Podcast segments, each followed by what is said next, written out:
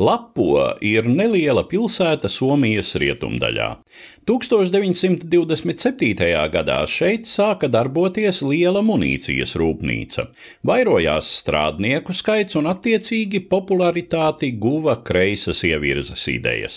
Šāda attīstība kontrastēja ar tradicionālajiem noskaņojumiem reģionā, kur sabiedrība bija zemnieciski konservatīva un reliģioza.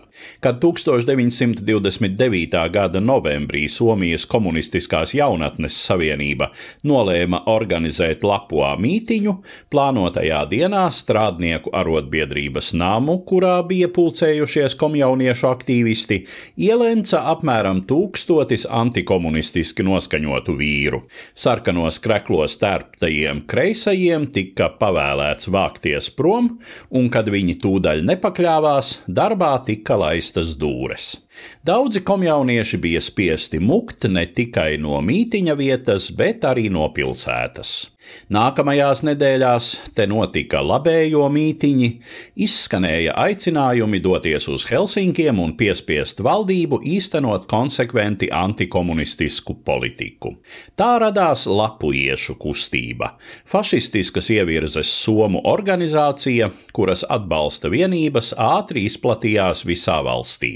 Par organizācijas aizsākumu lapujieši uzskatīja dienu, kad no Lapua tika padzīti komjaunieši 1929. gada 24. novembri.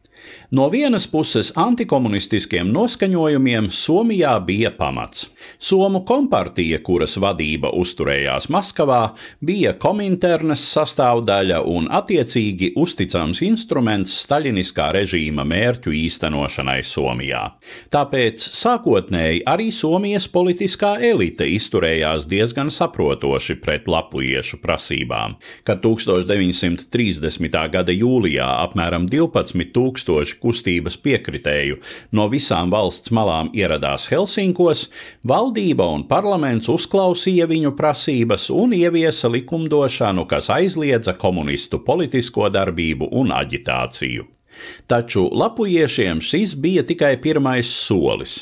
Viņu mērķis bija pārkārtot Somijas politiku pēc fašistiskās Itālijas parauga.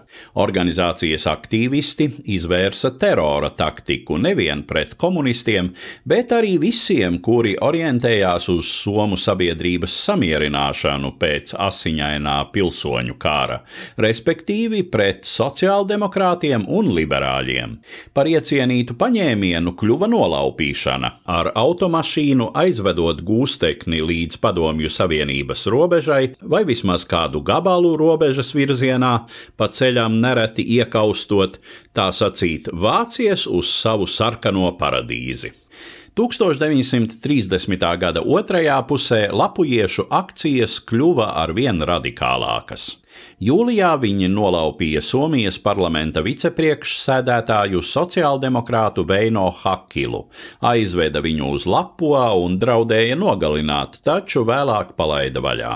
Taču sociāldemokrātu Onni Haponenu, kurš darbojās vienā no provinces pašvaldībām, vietējie lapujieši tā paša gada septembrī noslepkavoja.